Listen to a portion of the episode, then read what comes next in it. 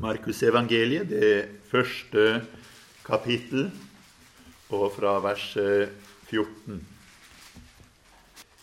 Og det er spesielt vers 17 jeg kommer til å tale ifra, men vi kan lese for sammenhengens skyld fra vers 14 til 20. Men etter at Johannes var satt i fengsel, kom Jesus til Galilea og forkynte Guds evangelium. Han sa, Tidens mål er fullt, og Guds rike er kommet nær. Omvend dere og tro på evangeliet. Da han gikk langs Galileasjøen, fikk han se Simon og hans bror Andreas. De holdt på å kaste not i sjøen, for de var fiskere.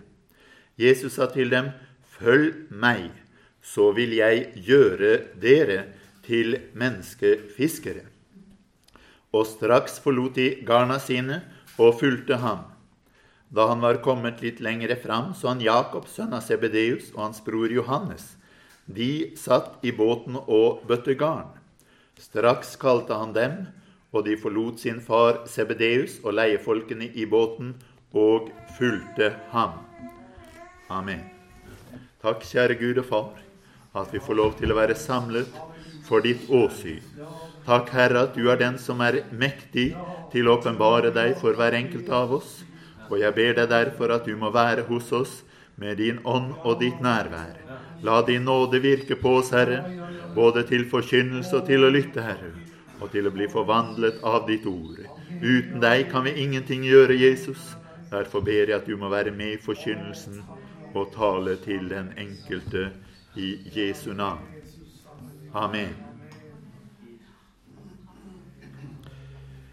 Det som jeg tenkte på, var dette verset hvor det står her Jesus sa til dem, Følg meg, så vil jeg gjøre dere til menneskefiskere. Og eh, spørsmålet som jeg vil stille, er har tiden kommet i ditt liv til å gjøre noe nytt for Herren? Hvis du ser på det som står her sant, i, i, vers 16 og 17 Da han gikk langs Galileasjøen, fikk han se Simon og hans bror Andreas. De holdt på å kaste not i sjøen, for de var fiskere. Jesus sa til dem, 'Følg meg, så vil jeg gjøre dere til menneskefiskere.' Og straks forlot de garna sine og fulgte ham. Når vi leser her, så, så, ser du for deg de sto der og fisker, og så kommer det en helt ukjent person gående langs stranden og sier 'følg meg', og plutselig slipper de alt og følger ham. Har du tenkt på noen gang hvorfor de gjorde det? Jeg har hørt forkynt flere ganger om dette verset, hvor de har sagt nettopp det jeg sa nå, at her kommer det en mann, og plutselig så følger de ham. Men det er ikke sant. Det er ikke sant. Se nøye på hva som står her. I vers 14 så står det Men etter at Johannes var satt i fengsel, kom Jesus til Galilea og forkynte Guds evangelium. Markus' evangeliet er beretningen om hva Jesus gjorde etter at han kom til Galilea. Det er det han forteller om her. Da Johannes døde, så kom Jesus til Galilea. Men hva skjedde før Johannes døde? Hvis du ser tidligere her, så står det om at Jesus ble døpt, Jesus ble fristet, og da Johannes var død, så dro han til Galilea. Men var det det første Jesus noensinne gjorde? Det var ikke det. Du vet, man kan skrive mange slags biografier. Og man er vant til kanskje en livshistorie. Den skal inneholde hele livet fra begynnelse til slutt. Men eh, evangeliene er ikke slike livshistorier. For så vil du jo se at de siste timene, dagene og ukene av Jesu liv, det opptar omtrent halvparten av boken. Det er ikke opptatt med å fortelle like mye om alle deler i Jesu liv. Det blir litt som om du skulle skrive hva skal jeg si, en eh, biografi om Jens Stoltenberg og hans tid som statsminister. Vel, det var en tid da han ikke var statsminister. Men det står ikke i den boken hvis det er det du skriver om. Og det er det han sier her. Nå forteller jeg beretningen om hva som skjedde da Jesus kom til Galilea etter at Johannes døperen var satt i fengsel. Men la oss bare se på noen få vers i Johannes evangelium og det første kapittel. Der forteller Johannes også om Johannes døperen og om at Jesus ble døpt. Men hvis du går til kapittel 1 og vers 35, så står det dagen etter sto Johannes der igjen og to av disiplene hans. Da han fikk se Jesus som kom gående, sa han, Se, det er Guds lam. De to disiplene hørte det han sa, og de fulgte etter Jesus. Jesus vendte seg, så, seg og så at de fulgte etter ham. Han sier til dem, Hva søker dere? De sa til ham, Rabbi, det betyr mester, hvor bor du? Han sier til dem, Kom og se. De kom da og så hvor han bodde, og de ble hos ham den dagen. Det var omkring den tiende time.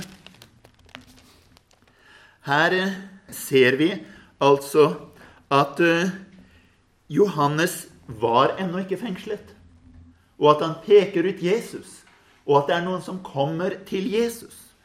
Og se så i vers 40. Andreas, Simon Peters bror, var en av de to som hørte det Johannes sa, som fulgte etter Jesus.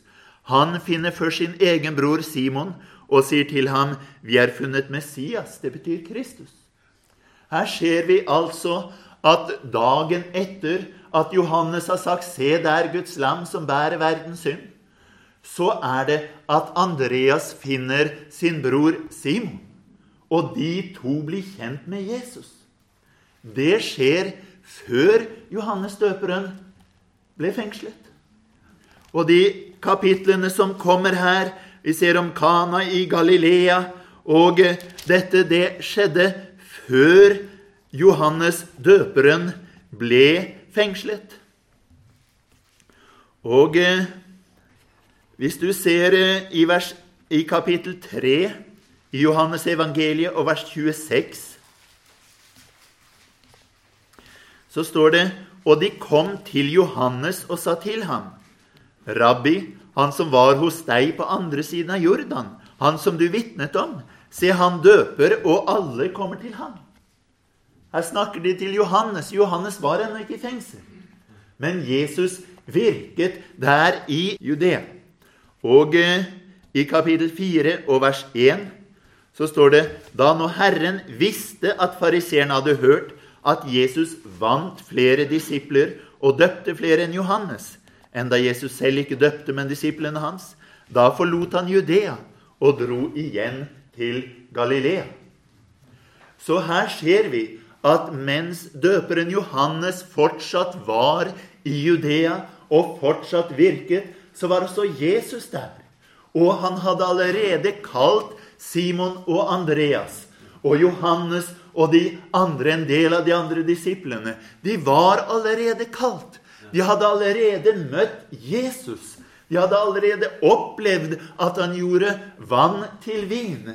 De hadde allerede opplevd å være sammen med Jesus der menneskene ble døpt. De hadde opplevd Jesus. Så når vi leser her i Markus, så husk på det han sier. Dette er det som skjedde etter at Johannes var kastet i fengsel, og etter at Jesus da dro fra Judea og opp til Galilea. Så det var ikke en helt fremmed mann som plutselig kom gående på stranden. De kjente Jesus. Og eh, det kan vel også vi som sitter her, si. Vi kjenner Jesus. De hadde møtt Jesus. De hadde vært nede og hørt på eh, Johannes døperen. De hadde vært på, hva skal jeg si, på stevne i Judea og hørt på Johannes døperen og han hadde pekt på en ny predikant, og så hadde de vært sammen med Jesus. Og de hadde hørt Jesus forkynne. De hadde vært på stevne sammen med Jesus. De hadde vært på møtehelg sammen med Jesus. De hadde hørt Jesus forkynne. Og så dro de jo da tilbake til familien sin i Galilea. Slik vi gjør når vi har vært på stevne. Vi har vært og hørt en predikant, og så drar vi tilbake. Og så fortsetter vi hos familien vår, så fortsetter vi med jobben vår. De jobbet jo her som fiskere. Sant? Galilea, Genesaretsjøen, det var berømt for alle fiskene de kunne få der. Masse forskjellige slag, massevis av fisk. De eksporterte fisk helt til Alexandria. Det var et sted hvor det var handel. Det var et sted hvor det var du vet, Det står om hedningenes Galilea. Hvis du gikk rundt der, så traff du på folk som snakket hebraisk og arameisk og gresk og alt mulig. Det var et handelssentrum. Det var et sted hvor folk dro fram og tilbake. Det var et sted hvor man kunne drive business, om du vil. Og disse folkene de drev med fiske. Og det var hundrevis av båter som drev med fiske fikk inn fisk og solgte fisken rundt omkring. Det var jobben deres. Nå var de tilbake. De hadde tatt seg fri for å dra på stevne og være sammen med Jesus. Så kom de tilbake igjen og fortsatte med det som egentlig var jobben deres. Vi kan treffe på mange mennesker på stevner. Men så drar de hjem igjen, for de har noe de holder på med. De kan ikke bare fortsette å være der. De drar hjem, og så har de noe som de egentlig holder på med, som er hjemme. Og når Jesus kommer gående her, så tror jeg ikke de var så forbauset over å se ham. De hadde vært på møter med Jesus mange ganger, og de visste ganske sikkert at ja, nå kommer Jesus til Galilea. Nå, Kanskje hadde de avtalt ja, husk på Jesus, si fra når du holder møter i Galilea, så vi kan komme på møtene dine også der. Vi ønsker å høre forkynnelsen din. Vi elsker din forkynnelse, Jesus. Vi elsker å være på møtene. Vi elsker atmosfæren. Vi synes dette er det mest fantastiske vi noensinne har vært på. Døperen Johannes' møter, det var stort. Men Jesus-møtene, de er enda større. Så Jesus sier fra når du kommer. Så kommer vi på møtene. Vi ønsker å sitte der. Vi ønsker å høre din forkynnelse. Vi ønsker å se dine mirakler. Vi ønsker å være med og se hva som skjer. Vi vil være der, Jesus. Så kommer Jesus, og i stedet for å gi dem en innbydelse og si at 'jeg holder møter', alle hjertelig velkommen Det blir sang og musikk. Så sier han i stedet 'Følg meg, så vil jeg gjøre dere til menneskefiskere'. Hva er det som skjer? Det kommer et tidspunkt hvor Jesus sier til dem nå er tiden over, for når dere skal komme på stevne, kose dere og dra tilbake igjen. Nå er tiden omme for at dere skal gå på møte, sitte ned og nyte møtet, og så dra hjem igjen. Nå er tiden omme for at dere skal bare se hva som skjer, og dra hjem og glede dere over å ha sett hva som skjedde. Nå er tiden kommet for å følge meg. Komme etter meg. Ja, kan du si, men Jesus, vi har jo kommet etter deg mange ganger. Vi har sprunget etter deg for å høre på hva du har å si. Ja, sier Jesus, men nå er det noe nytt som skal skje. Følg meg, så vil jeg gjøre dere til menneskefiskere. Jeg vil gjøre det slik at dere blir til menneskefiskere. Jeg kommer til å gjøre noe med dere. Skal dere følge meg nå, så er det ikke bare for å sitte på møte og kose dere. Det er ikke bare for å oppleve at det er en herlig atmosfære. Nå skal dere følge meg for å bli forvandlet. Nå skal dere følge meg med det formål at jeg skal endre på dere. Nå skal dere følge meg med det formål at du skal gå annerledes ut herfra, og du skal bli formet og dannet til hva jeg ønsker dere skal bli. Jeg er ute etter menneskefiskere, og nå sier jeg, 'Følg meg, så skal jeg gjøre dere til menneskefiskere'. Er dere klar? Simon, Andreas, er dere klar? Dere har vært på møter igjen og igjen. Budskapet er ikke nytt. Atmosfæren er ikke ny. Dere vet hva dere går til. Spørsmålet nå hva med dere? Vil dere være med på at dette skal skje? Ikke bare være med for å nyte det jeg gjør, men å være en aktiv deltaker. En som jeg kan utruste til å vinne mennesker. En som jeg kan gjøre til en menneskefisker, er tiden inne i deres liv til å ta skrittet videre. Og det spørsmålet må komme til hver eneste en av oss. Det er en periode i livet hvor man kan si man er ny, man er ukjent, man kommer på møte, og man bare nyter å være der. Det er så godt å sette seg ned og høre forkynnelsen og nyte det. Så kommer man hjem, og så kommer man på møte neste gang, og så sier man det er så fantastisk her i menigheten. Jeg nyter hver eneste møte. Jeg nyter hvert eneste stevne. Nå er det høststevne. Jeg gleder meg til å komme dit og nyte stevnet. Og så skal jeg hjem igjen etterpå.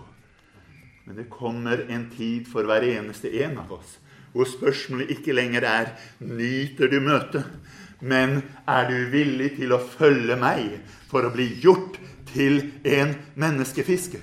Er du villig til å følge meg for å få en forvandling i ditt liv? Er du villig til at du skal nå endre din kurs? Og at du ikke skal være bare en som nyter møten, men en som er med på å bringe nytelsen inn i møten. En som er med på å bringe nytelsen ut til menneskene. En som er med på å bringe budskapet vi skal ikke gå inn på hva det vil si å være en menneskefisker, men i Det gamle testamentet, når Herren snakker om å fiske mennesker, så er det alltid fordi det er en dom som forestår. Og eh, det er det Jesus sier her også. Tidens mål er fullt, og Guds rike er kommet nær. Omvend dere og tro på evangeliet. Omvend dere. Det er ikke bare en lokkemat de hadde å komme med. Det er ikke bare at ja, det er så fint og flott, der så kom til oss. Det var et omvendelsesbudskap. Det var en beskjed om at du går på syndens vei. Du må kutte ut noe. Du må begynne med noe annet. Det var det budskapet var. De var ikke opptatt med å få flest mulig inn. De var opptatt med å sette sannheten klart og tydelig frem og si at 'Vil du følge dette?' Da en ung mann kom til Jesus og sier, 'Herre, hva skal jeg gjøre for å få evig liv?' Så sier Jesus selv alt det du eier, og gi det til de fattige. Kom så og følg meg. Det er ikke måten å få menighetsvekst på. Du får ikke størst mulig statistikker på den måten. Men Jesus ønsket et folk som var villig til å forlate alt for ham. Som var villig til å kunne gi avkall på hva som helst for ham. Han sa ikke til alle at de skulle selge alt. Sakkeus ble aldri bedt om å selge alt. Men han var løst fra det allerede. Han sa 'jeg vil gi det bort'. Og Herren sier på en måte 'det er greit nok'. Hva han sier til deg, skal ikke jeg legge meg borti. Men budskapet kommer. Budskapet kommer til hver eneste en av oss. Nå har du nytt mitt nærvær. Nå har du nytt møtene. Nå har du vært til stede og kjent på atmosfæren. Nå kaller jeg deg. Kom, følg meg, og jeg vil gjøre dere til menneskefiskere. Følg meg, og jeg vil gjøre deg til noe i Guds rike. Jeg vet ikke hva Gud kaller deg til. Men spørsmålet enhver av oss må stille seg, er jeg nå kommet dit hen? Er jeg kommet så langt at jeg ikke lenger hører med til den første delen av Jesus tjeneste i Judea? Da jeg bare dro ned, var på møte, dro tilbake igjen. Gikk på møte, gikk tilbake igjen. Gledet meg, frydet meg, syntes det var fantastisk. Men det var Jesus som hadde det, og jeg som satt og hørte på. Men nå er jeg kommet dit at jeg står sammen med Jesus. Jeg står skulder til skulder med Jesus, om du vil. Jeg er med i den gruppen som Jesus kan sende ut. Vi leser senere at han sendte dem ut overalt hvor han selv skulle gå. Det var noen som forberedte veien der Jesus skulle gå. Vi trenger fortsatt folk som forbereder veien for Jesus. Hvordan skal naboen din bli frelst? Blir han frelst ved at Herren sender sin ånd og kaller på ham? Ja, han blir det dersom du har forberedt veien. Men du må forberede veien først. Du må gå først dit Jesus skal gå. Jesus går ikke der vi ikke har gått, men han sender oss ut først for å forberede veien. Noen må forkynne evangeliet for dem. Noen må fortelle dem at det er en Gud man har å forholde seg til. Noen må fortelle dem at man må omvende seg og tro evangeliet.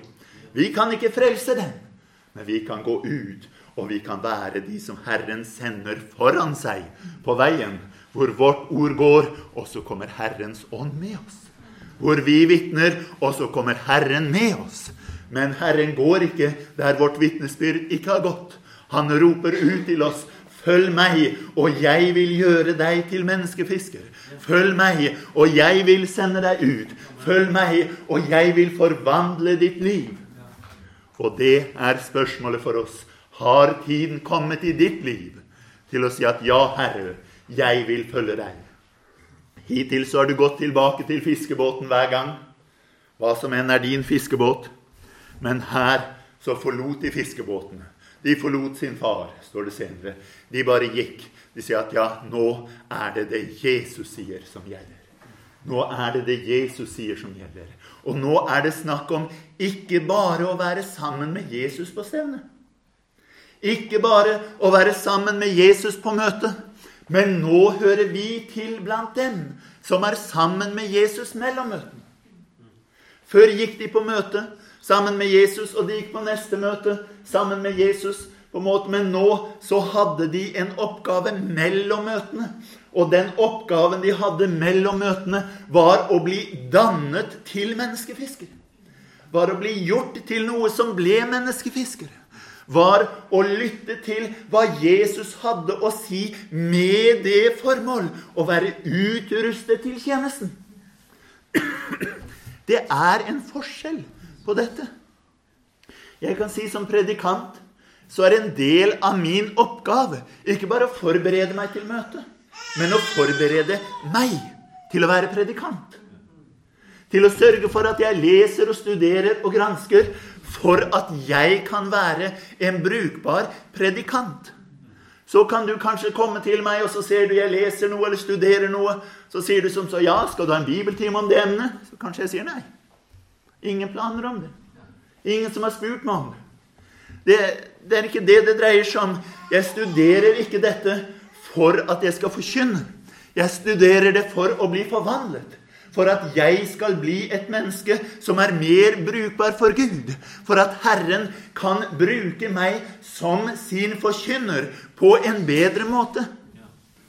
Og jeg leser mye som mange kanskje ikke skjønner vitsen med. Du hørte litt på torsdag. Tok for meg litt av historien opp gjennom årene.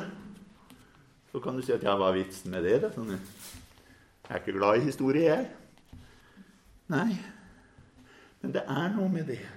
Overalt hvor mennesker har levd og søkt å leve for Herren, så ønsker jeg å lære av dem. Jeg har et kort liv. Det er ikke mye som skjer i mitt liv. Men hvis jeg kan lære av de som har gått foran meg, hvis jeg kan lære av de som gjennom århundre etter århundre har stått i kampen for Herren, så kan jeg få med meg mer enn hva jeg kan lære av en personlig erfaring i mitt eget liv. Og jeg er avhengig av det. Jeg er avhengig av å søke den lærdom som jeg kan få for å kunne bli utrustet. Så kan du si at ja, skal du holde et foredrag om historie? Vel, kanskje ikke. Men uansett så er spørsmålet lar jeg meg danne og forme av Herren til å bli brukbar for Ham? Er det slik at jeg bare kommer på et møte, og så må jeg eh, bråtilpasse meg situasjonen da? Eller har jeg latt Herren forme meg på forhånd, slik at jeg er forberedt på den kampen som blir? Du vet, en som er soldat, han eh, får ikke utlevert et gevær når krigen begynner. Man gir ham geværet god tid på forhånd, så han kan begynne å trene. Så han kan vite at han faktisk treffer noe når han skyter. Man må vite at man kan jobbe. Herren ønsker et folk som er ute etter ikke bare sin nytelse her og nå, men som kan si at 'Herre, jeg ønsker å bli dannet og formet til det du vil jeg skal være'. Jeg ønsker å virke for deg med det du vil jeg skal gjøre. Og jeg ønsker å være sammen med deg, ikke bare for min øyeblikkelige nytelse, men for min langsidige forvandling. for at jeg kan bli et annet menneske. For at noe skal skje med mitt liv. De ventet en møteinnbydelse, men de fikk noe annet enn en møteinnbydelse. De fikk et 'følg meg', og jeg skal gjøre dere til menneskefiskere. Ja, men Jesus, vi fulgte deg rundt i Judea òg. Du husker det? Vi har fulgt deg på møte etter møte. Ja, men nå er det en annen type 'følg meg' som det dreier seg om. Nå er det en 'følg meg', slik at jeg kan gjøre deg til noe. Det er det som er spørsmålet her i dag. Og det er spørsmålet til oss her i dag. Er jeg villig til å ta imot Jesu 'følg meg' inn i tjenesten? Er jeg villig til å være med når han sier 'Jeg vil gjøre deg til en menneskefisker'? Jeg vil gjøre deg til en menneskefisker. Vel, hva, hvordan gjør Jesus oss til menneskefiskere? Det er to sider ved det, vil jeg si. Den ene siden leser vi igjennom Markus evangeliet, når vi ser de var sammen med Jesus, de lyttet til Jesus, de så på Jesus, de lærte både av forkynnelse og av erfaring.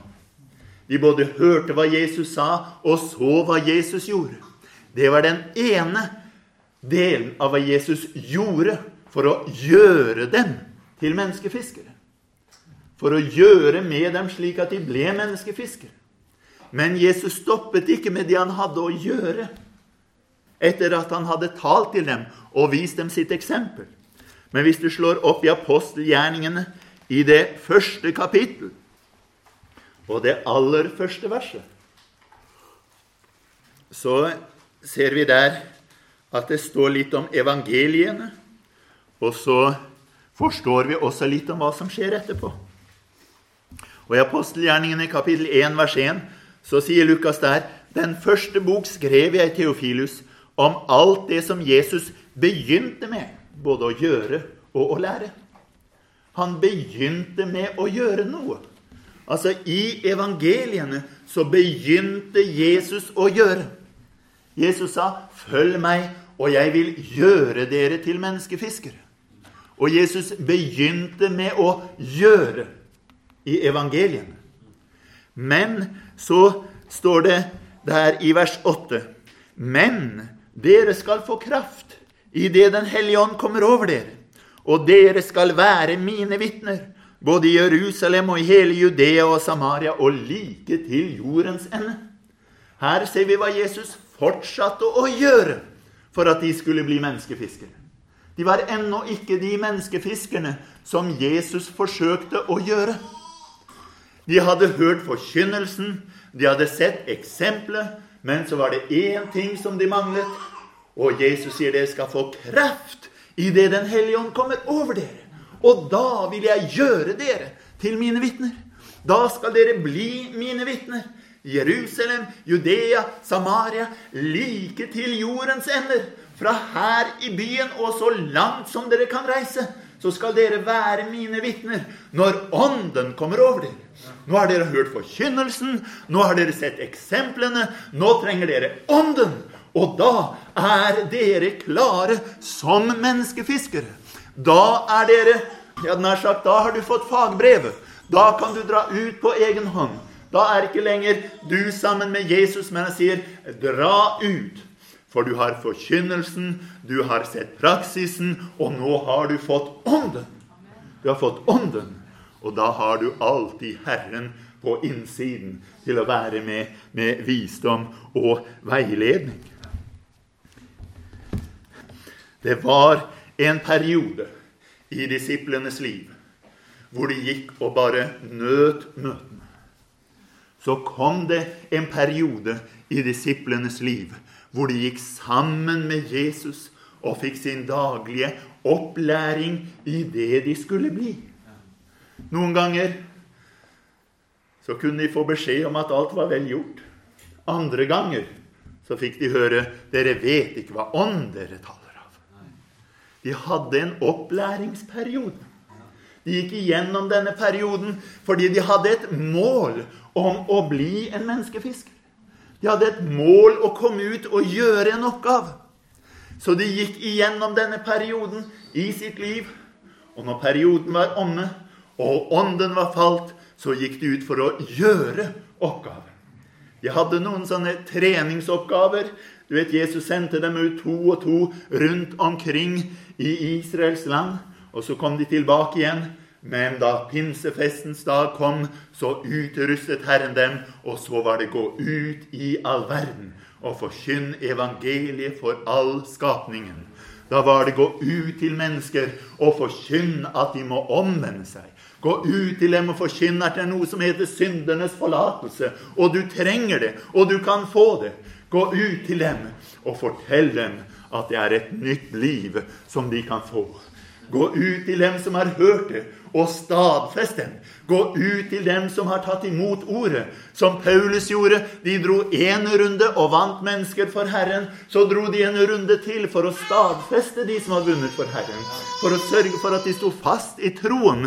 For å sørge for at de ikke falt ved veien, eller at de ble kvelt av torner og tistler. Men for å dra ut igjen og styrke ordet. Det var forskjellige tjenester, det var forskjellige oppgaver, og Gud satte i menigheten først noen til apostler, profeter, evangelister, hyrder og lærere. Gud setter forskjellige oppgaver. Det er forskjellige nådegaver. Det er forskjellige ting for enhver av oss å gjøre. Men for enhver av oss så kommer spørsmålet Har jeg nå kommet dit at jeg er villig til å slutte å bare nyte og si Herre, jeg skal gå på dine veier. Jeg skal gjøre noe for deg. Nå er jeg klar for opplæring til å bli menneskefisker. Vi er avhengig av å komme dit hen at vi sier at vi er villig til å gjøre noe. Herre, lær meg hva jeg skal gjøre. Lær meg hva jeg skal gjøre. Legg merke til han sier ikke bare 'dere dra ut som menneskefiskere'. Men han sier, 'Følg meg, så vil jeg gjøre dere til menneskefiskere'. Det er en del ting vi må lære oss hvordan vi skal bli. Det er en ting som tar tid, for Herren må forme noe i oss. Og hva er det Jesus sier? 'Kom hit, så skal jeg legge hendene på dere, og derved gjøre dere til menneskefiskere.' Han sier, 'Følg meg, så vil jeg gjøre dere'. Altså, det er en prosess å gå igjennom. Og denne prosessen tar tid. Denne prosessen krever at jeg følger i hans fotspor. Denne prosessen krever at jeg går etter ham. Denne prosessen krever tid. Og den krever å være sammen med noen. Ja, men du skjønner, jeg liker ikke folk, så jeg vil lære på egen hånd. Han sier, 'Følg meg. Du må komme etter meg. Du må være sammen med meg.' skal jeg, skal jeg kunne bruke deg? Hvis vi slår opp i, i Filippe-brevet, det tredje kapittel Filippe-brevet kapittel 3 og vers 17. Her er det Paulus skriver til filipperne, og så sier han til dem.: Brødre, vær mine etterfølgere og akt på dem som vandrer etter det forbildet dere har i oss. For som jeg ofte har sagt til dere, og nå igjen sier med tårer, mange vandrer som fiender av Kristi kors. Her forteller han at det er mennesker som vel kan si at de lever for Herren, men de vandrer som fiender av Kristi kors. Hva er en fiende av Kristi kors? Eller en fiende av Kristi kors. Det må være en som vandrer på en slik måte at han går imot hva Kristi kors skal gjøre. Hva skal Kristi kors gjøre? Vel, Kristi kors skulle ta straffen for min synd og fjerne den bort. Hvis jeg fortsetter å leve i synd, så vandrer jeg som en fiende av Kristi kors. Da gjør jeg det motsatte av hva Kristi kors vil. Hva mer er det Kristi kors gjør? Jo, Kristi kors det korsfester kjødet med deres lyster og begjær. Hvis jeg er, ikke er interessert i å bli korsfestet, hvis jeg ikke er interessert i å bli knust, hvis jeg ikke er interessert i at Herren tar meg og plasserer meg der jeg egentlig hører hjemme, så jobber jeg imot Kristi kors og min vandring er i fiendskap mot korset. Og han sier det er mennesker, de kan bekjenne Herren aldri så mye, men i praksis i livet sitt så er de fiender av hva Kristi kors ønsker å oppnå. Derfor sier han, vær mine etterfølgere, og akt på dem som vandrer etter det forbildet dere har i oss. Han sier det finnes noen mennesker som vandrer på rett måte.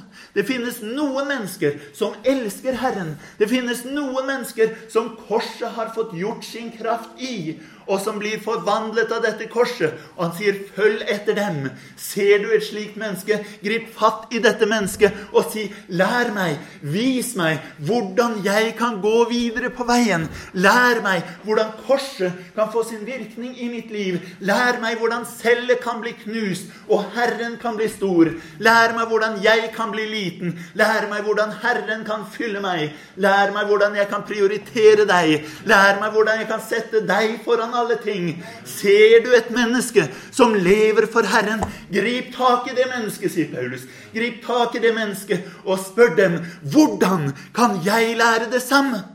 Gud har ikke kalt oss til bare å gå på egen hånd og lære av oss selv. Han har kalt oss til å bli etterfølgere. Etterfølgere av ham, etterfølgere av de som følger ham.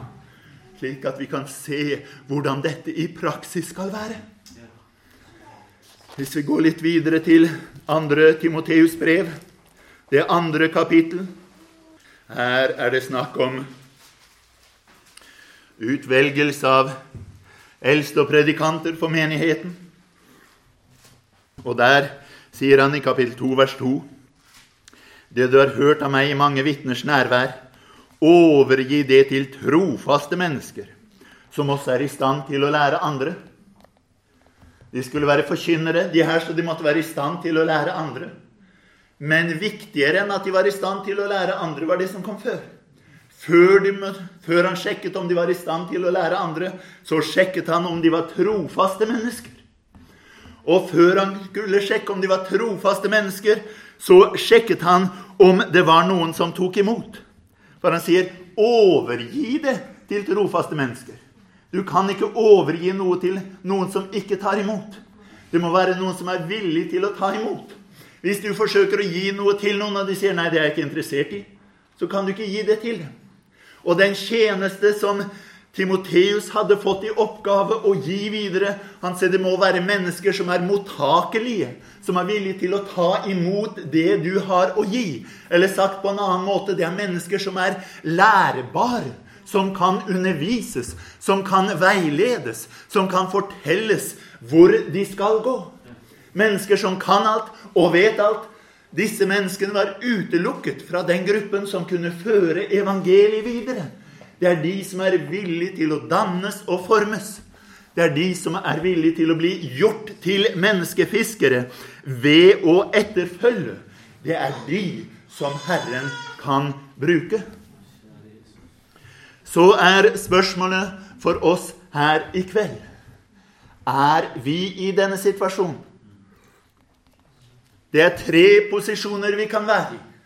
Vi kan være nyfrelst, nyankommet, slik at vi bare nyter møtene.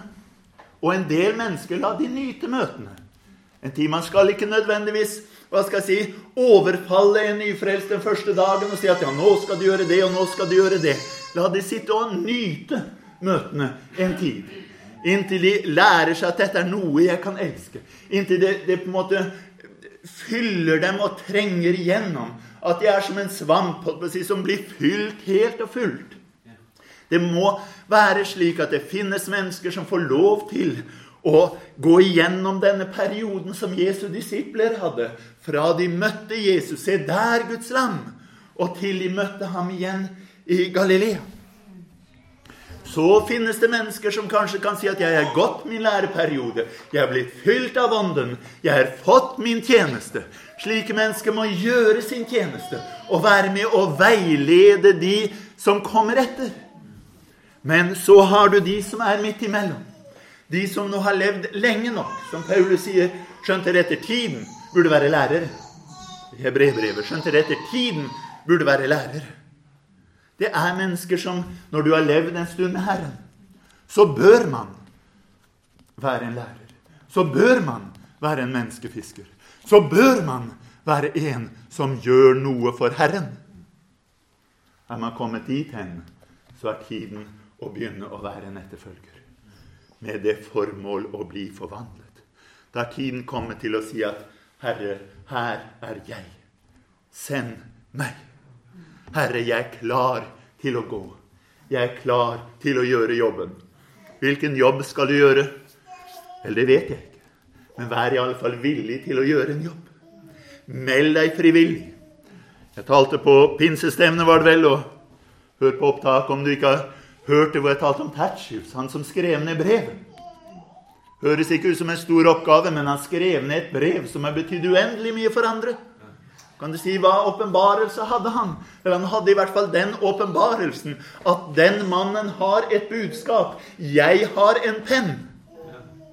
Min penn kan hjelpe det budskapet å komme ut. Og det gjør jeg. Så kan noen si at ja, men den pennen din ser ikke så veldig åndelig ut. Jeg gikk forbi en ugudelig mann, han hadde akkurat en lik penn. Ja, kan han si, men jeg tar min penn og setter den inn i tjeneste for Herren. Den ser helt normal ut. Den ser helt naturlig ut. Kanskje var det en fjærpenn. Ta knekken på en eller annen fugl og nappa ut ei fjær og skjært den til. Men han sier jeg er klar nå til å ta min fjærpenn, min helt vanlige fjærpenn. Nå skal den brukes til Herrens ære. Nå skal den brukes til Jesu tjeneste. Kanskje hadde Tertsjun sin jobb som han gjorde på dagen, men om kvelden så tok han fram pennen og blekket og papiret, og så sa han til, til Paulus at ok, da får vi fortsette. Vi var kommet til det, og det var det siste du sa i går. La oss fortsette å skrive ned det du ønsker å si i dag. Det var en som var villig til å bli gjort til en evangelieformidler. Han var villig til å bli gjort til noe han ikke var. Er vi villige til å bli gjort til noen som hjelper evangeliet fremover? Kommer vi på møte og tenker 'Hva kan jeg hjelpe til med?' Kommer du på møte og bringer noe?